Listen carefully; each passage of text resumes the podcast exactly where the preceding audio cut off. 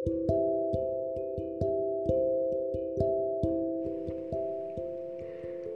di antara dua orang itu, gimana ya rasanya? Jadi kebayang deh,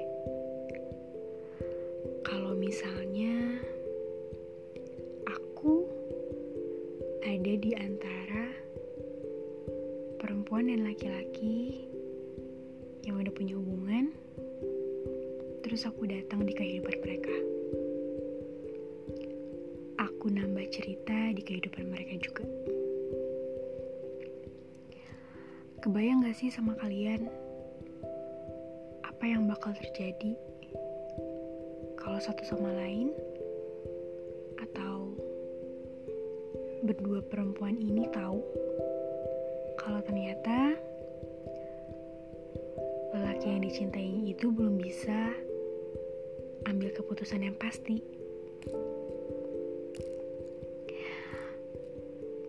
Yang jelas, dua perempuan ini bakal ngerasa hancur. Karena mereka itu pasti deh ngasihnya tulus, tetapi mereka harus dapat balasan yang gak seimbang. Tapi kita juga gak bisa sepenuhnya menyalahkan orang yang baru datang ke kehidupan pasangan ini.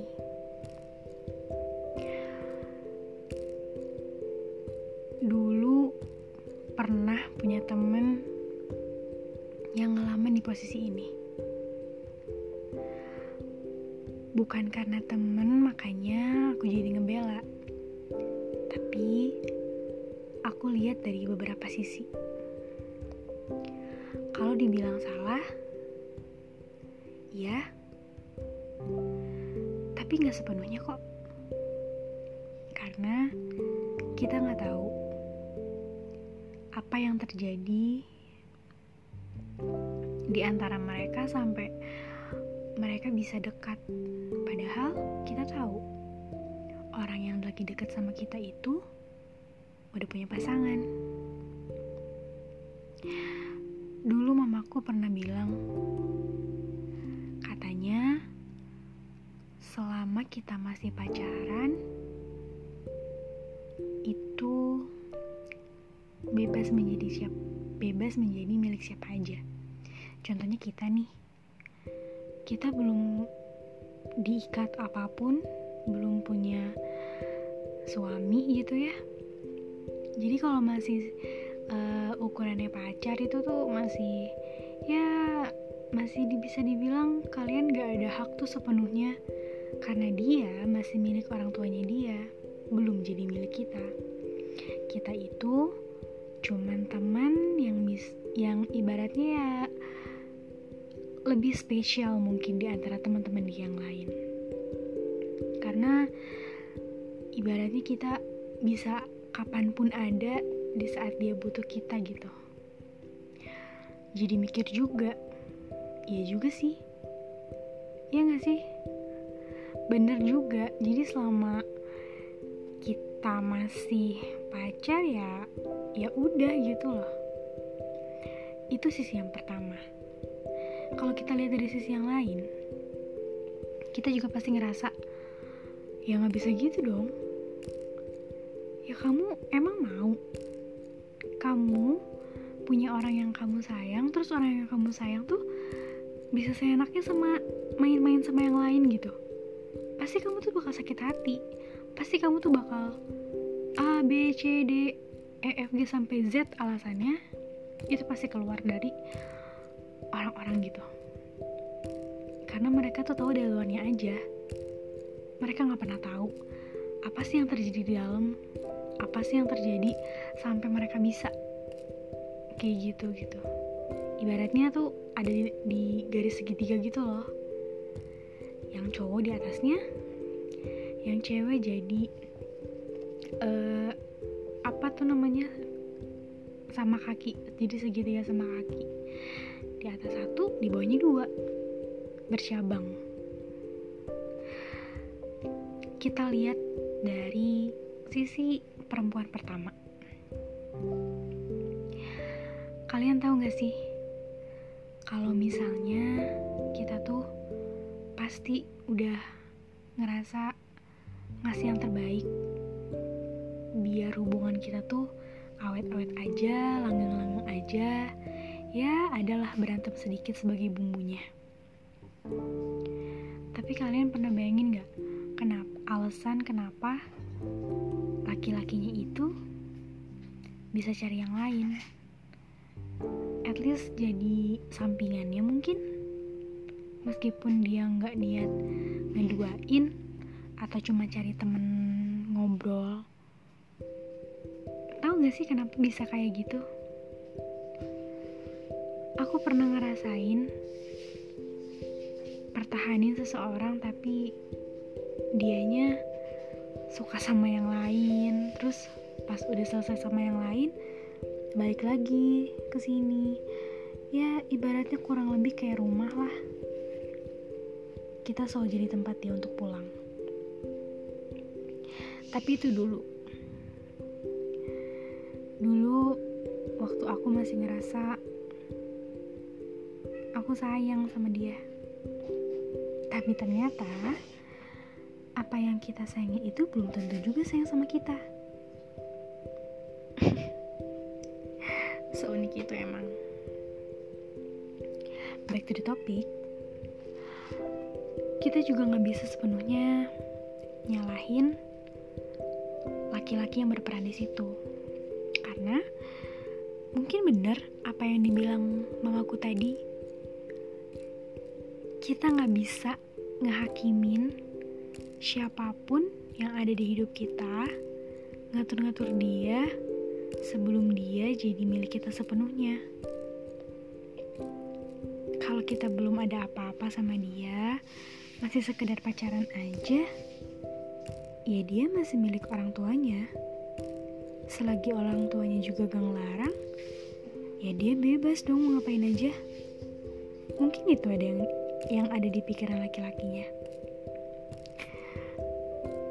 Kita mau ngelawan apa sih kalau misalnya dia dibilang kayak gitu? pasti ada perlawanan yang bilang, kamu tuh tega ya, kamu tuh gak berperasaan, kamu mikir gak sih, bla bla bla bla bla bla kayak gitu pasti dipanjang. Tapi kalau kita misalnya mikirnya lebih jernih lagi, kita nggak mikirin dari sisi kita aja, kita mikirin dia juga dan kita mikirin hal yang lain tuh pasti pernyataan itu tuh benar. Kita harus bisa terima meskipun rasanya emang pahit gitu. Dan apa ya? Itu tuh pasti ada apa namanya tuh? Ada alasannya sendiri kenapa dia bisa kayak gitu kenapa dia mau ngelakuin itu aku nggak tahu deh hal apa yang mereka pikirin Cuma aku pikir apa yang dibilang mamaku tuh bener. Terus kita lihat dari sisi perempuan kedua. Kelihatan dari luar tuh pasti, ih dia tuh ngerusak ya gini gini gini. Ih dia tuh gila ya. Dia nggak apa ya? Dia tuh nggak mikir apa? Dia tuh mereka tuh udah pacaran lama mereka tuh saling kenal mereka tuh cocok mereka tuh apa segala macam guys really kita nggak bisa beneran deh ngejudge orang dari luarnya aja kalian pernah tahu nggak sih hal apa yang dilewatin perempuan itu hal apa yang dilewatin juga sama cowok itu? Hal apa yang udah mereka lewatin sampai mereka bisa ngerasa satu sama lain itu spesial? Even itu nggak dijadiin pacar kedua pun ya emangnya kenapa? Aku juga nggak suka kalau misalnya punya hubungan ya nggak cuman kita berdua ada perempuan yang ketiga, keempat, yang kelima, dan seterusnya tapi kita juga harus sadar menikah pun gak ngejamin kita bakal hidup sama dia selamanya.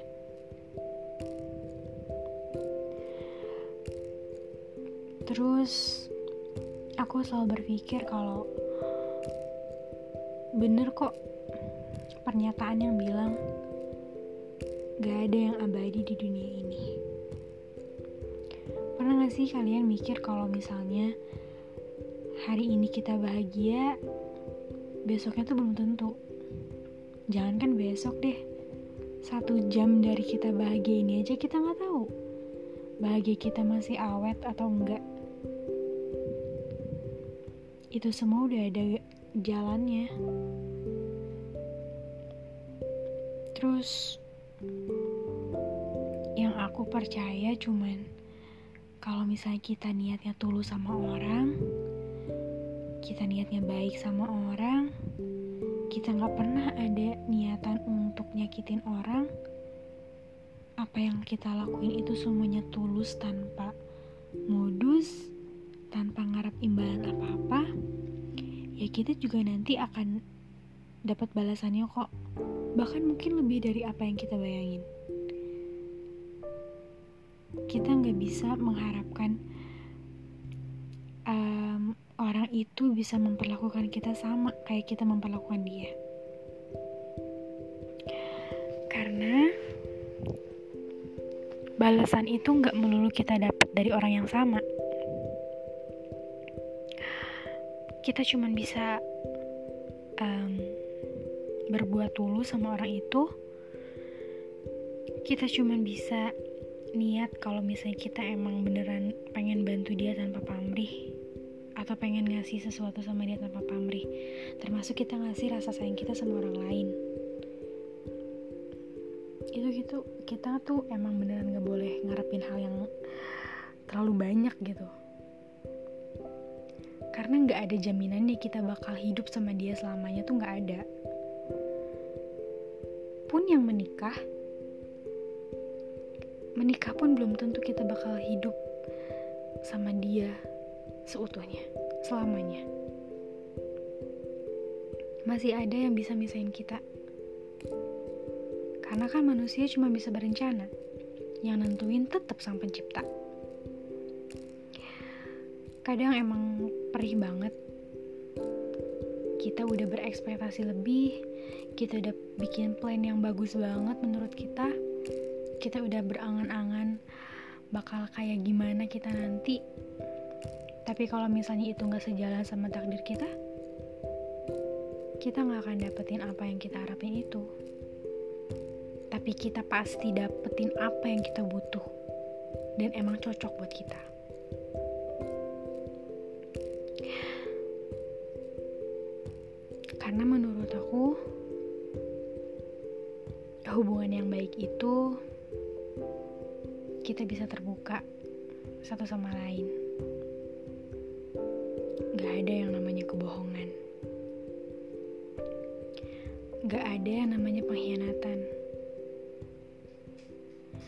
Gak ada juga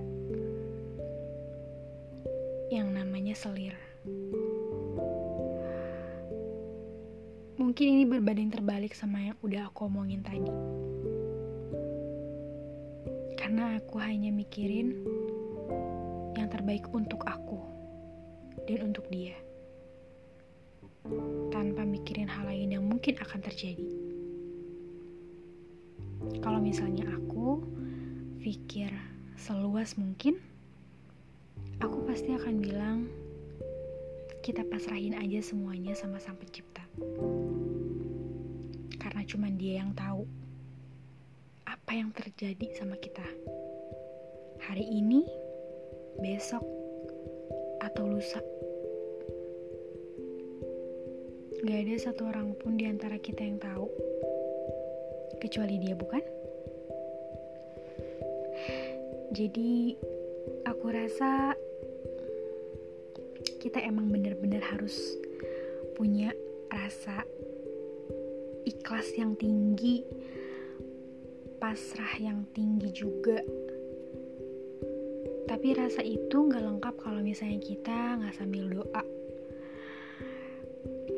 aku salah satu orang yang percaya kekuatan doa. Gak tahu kenapa, kalau misalnya kita udah berdoa, diskusi sama yang punya alam semesta ini, rasanya tenang. Meskipun kita nggak tahu apa yang kita mau itu bakal terjadi, tapi setidaknya kita bisa ngeluangin semua apa mencurahkan semua isi hati kita karena kan kalau curhat ke orang lain juga belum tentu kita bakal tenang itu. Kalau misalnya kita lihat lagi sebenarnya dengan kita kenal orang banyak atau kita dapat pengalaman ya pengalaman pahit lah ya itu kita tuh bisa ambil banyak banget pelajaran dari sana. Karena setiap hal yang kita apa ya setiap hal yang kita dapat itu tuh pasti ada pelajarannya. Pasti ada hikmahnya. Apa pun. Apa pun yang kita alami tuh gak mungkin terjadi begitu aja. Akan kerasa balasannya nanti. Bahkan kita nggak sadar ini itu nanti itu balasan dari apa yang udah kita rasain hari ini. Well kita cuman bisa pasrahin semuanya sama sang pencipta. Dan satu hal yang penting banget kita tuh nggak boleh mengharapkan sesuatu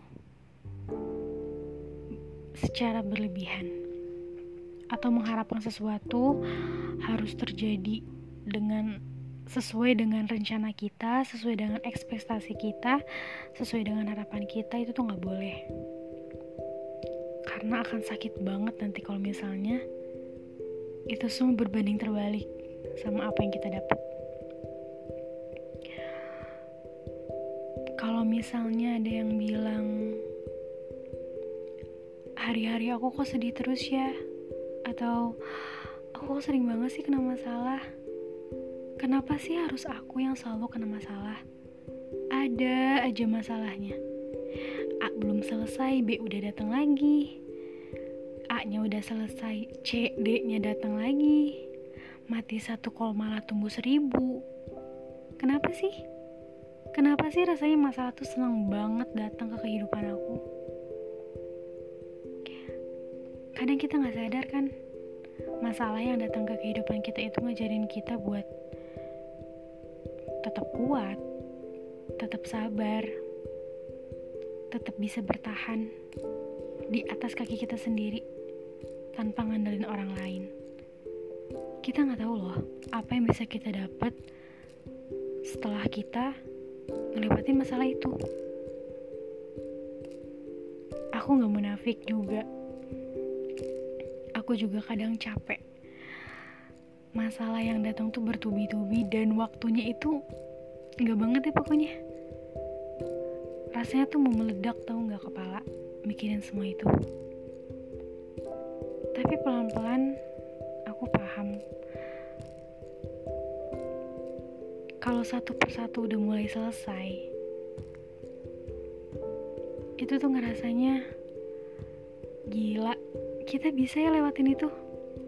Padahal dari awal udah kesel banget deh masalah itu datang tapi ternyata di balik datangnya masalah itu kita bisa menjadi sosok yang lebih kuat lagi. Kita bisa lebih kenal kita bisa lebih kenal lagi sama diri kita sendiri. Kita tuh nggak pernah sadar apa yang udah kita lakuin itu ternyata hebat loh. Kita tuh hebat kenapa selalu kita ngerasa kenapa sih kok dia bisa kayak gitu? Kenapa sih orang lain kok bisa dapetin itu? Kenapa sih orang lain kayaknya tuh gampang banget jalan hidupnya? Gak berliku-liku kayak aku. No. Pikiran itu salah. Karena kita terlalu ngelihat ke atas. Emang kita pernah tahu apa yang udah dia lewatin sebelum dia dapetin apa yang kita lihat indah itu. Kalau misalnya nih, kita lihat kita lihat di kehidupan dia itu kayaknya dari dandanannya, dari sehari-harinya dia kita lihat, dari sosial medianya, dia tuh kok sumringah banget, bahagia banget. Bebas mau beli apa aja, bebas mau ke mana aja. Kayaknya tuh mulus-mulus aja gitu jalan hidupnya kan. Tapi kita nggak pernah tahu loh seberapa sedih yang dia dapat, seberapa sering dia nangis, seberapa sering dia ngerasa hancur karena mungkin untuk dia kalau misalnya di hadapan orang lain atau apa yang dia bagi di sosial media itu harus kelihatan senang karena menurutku kesedihan itu bukan untuk dibagi-bagi kesedihan itu untuk kita bahan pelajaran untuk kita bener kok Gak salah kok kalau misalnya dia kelihatan seneng depan kita. Ya dia seneng ngelakuinnya. Dia pengen berbagi kebahagiaan buat orang lain. Dia pengen bawa positive vibes untuk orang lain. Dia pengen bawa hawa-hawa positif untuk orang-orang sekitar dia. Dia nggak mau bikin orang lain sedih cuma gara-gara dia sedih. Bagus dong. Iya gak sih? Kadang kita terlalu mikir ke atas, terlalu nutup diri, karena kita gak bersyukur. Masih banyak kok orang yang lebih sedih daripada kita, karena kita itu dikasih posisi sedihnya masing-masing, dan kita tuh dikasih kekuatan di ya di partnya masing-masing. Gak ada yang sama kalau misalnya hidup kita bahagia-bahagia aja juga pasti bakal flat banget deh kita nggak akan tahu rasanya menghargai orang lain. Kalau misalnya kita ya hidupnya lempeng-lempeng aja. Nggak ada tantangannya. Terus aku sering ngebayangin gimana rasanya jadi orang yang kalau punya masalah tuh kayaknya ngadepinnya tuh tenang. Nggak banyak cerita ke siapa-siapa. Ya ngikutin alur aja gitu. Nggak pernah ngelawan.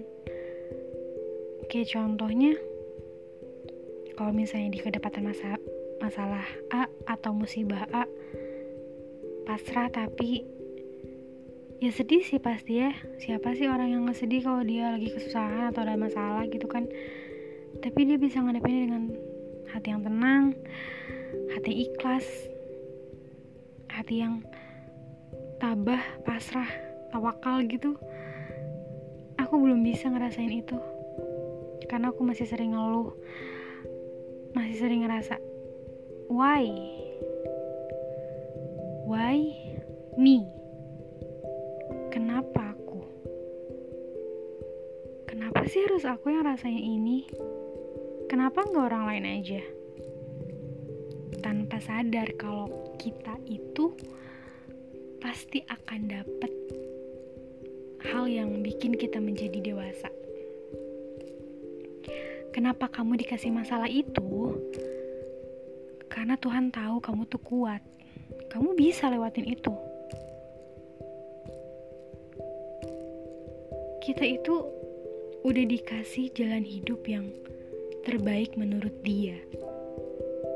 Meskipun terkadang menurut kita enggak enggak aku nggak bisa kayak gini, aku nggak bisa, aku nggak bisa lewatin ini.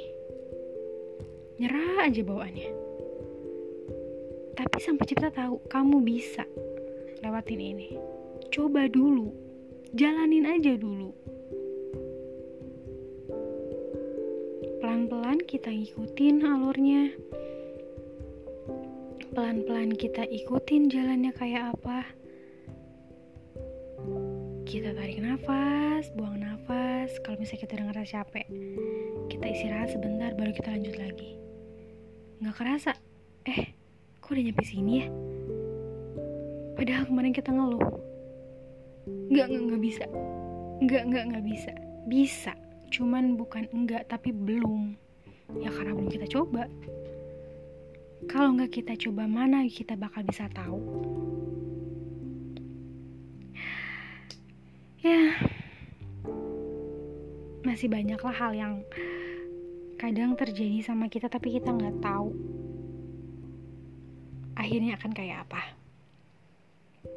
Sama kayak cinta segitiga tadi. Jauh banget ya ngalor ngidulnya ya pokoknya kita nggak bisa deh ngejudge orang dari luarnya aja kita nggak bisa asal kasih cap dia ini perusak, dia ini pembangkang, dia ini kok bahagia terus, dia ini kok sedih terus, dia ini pembawa masalah.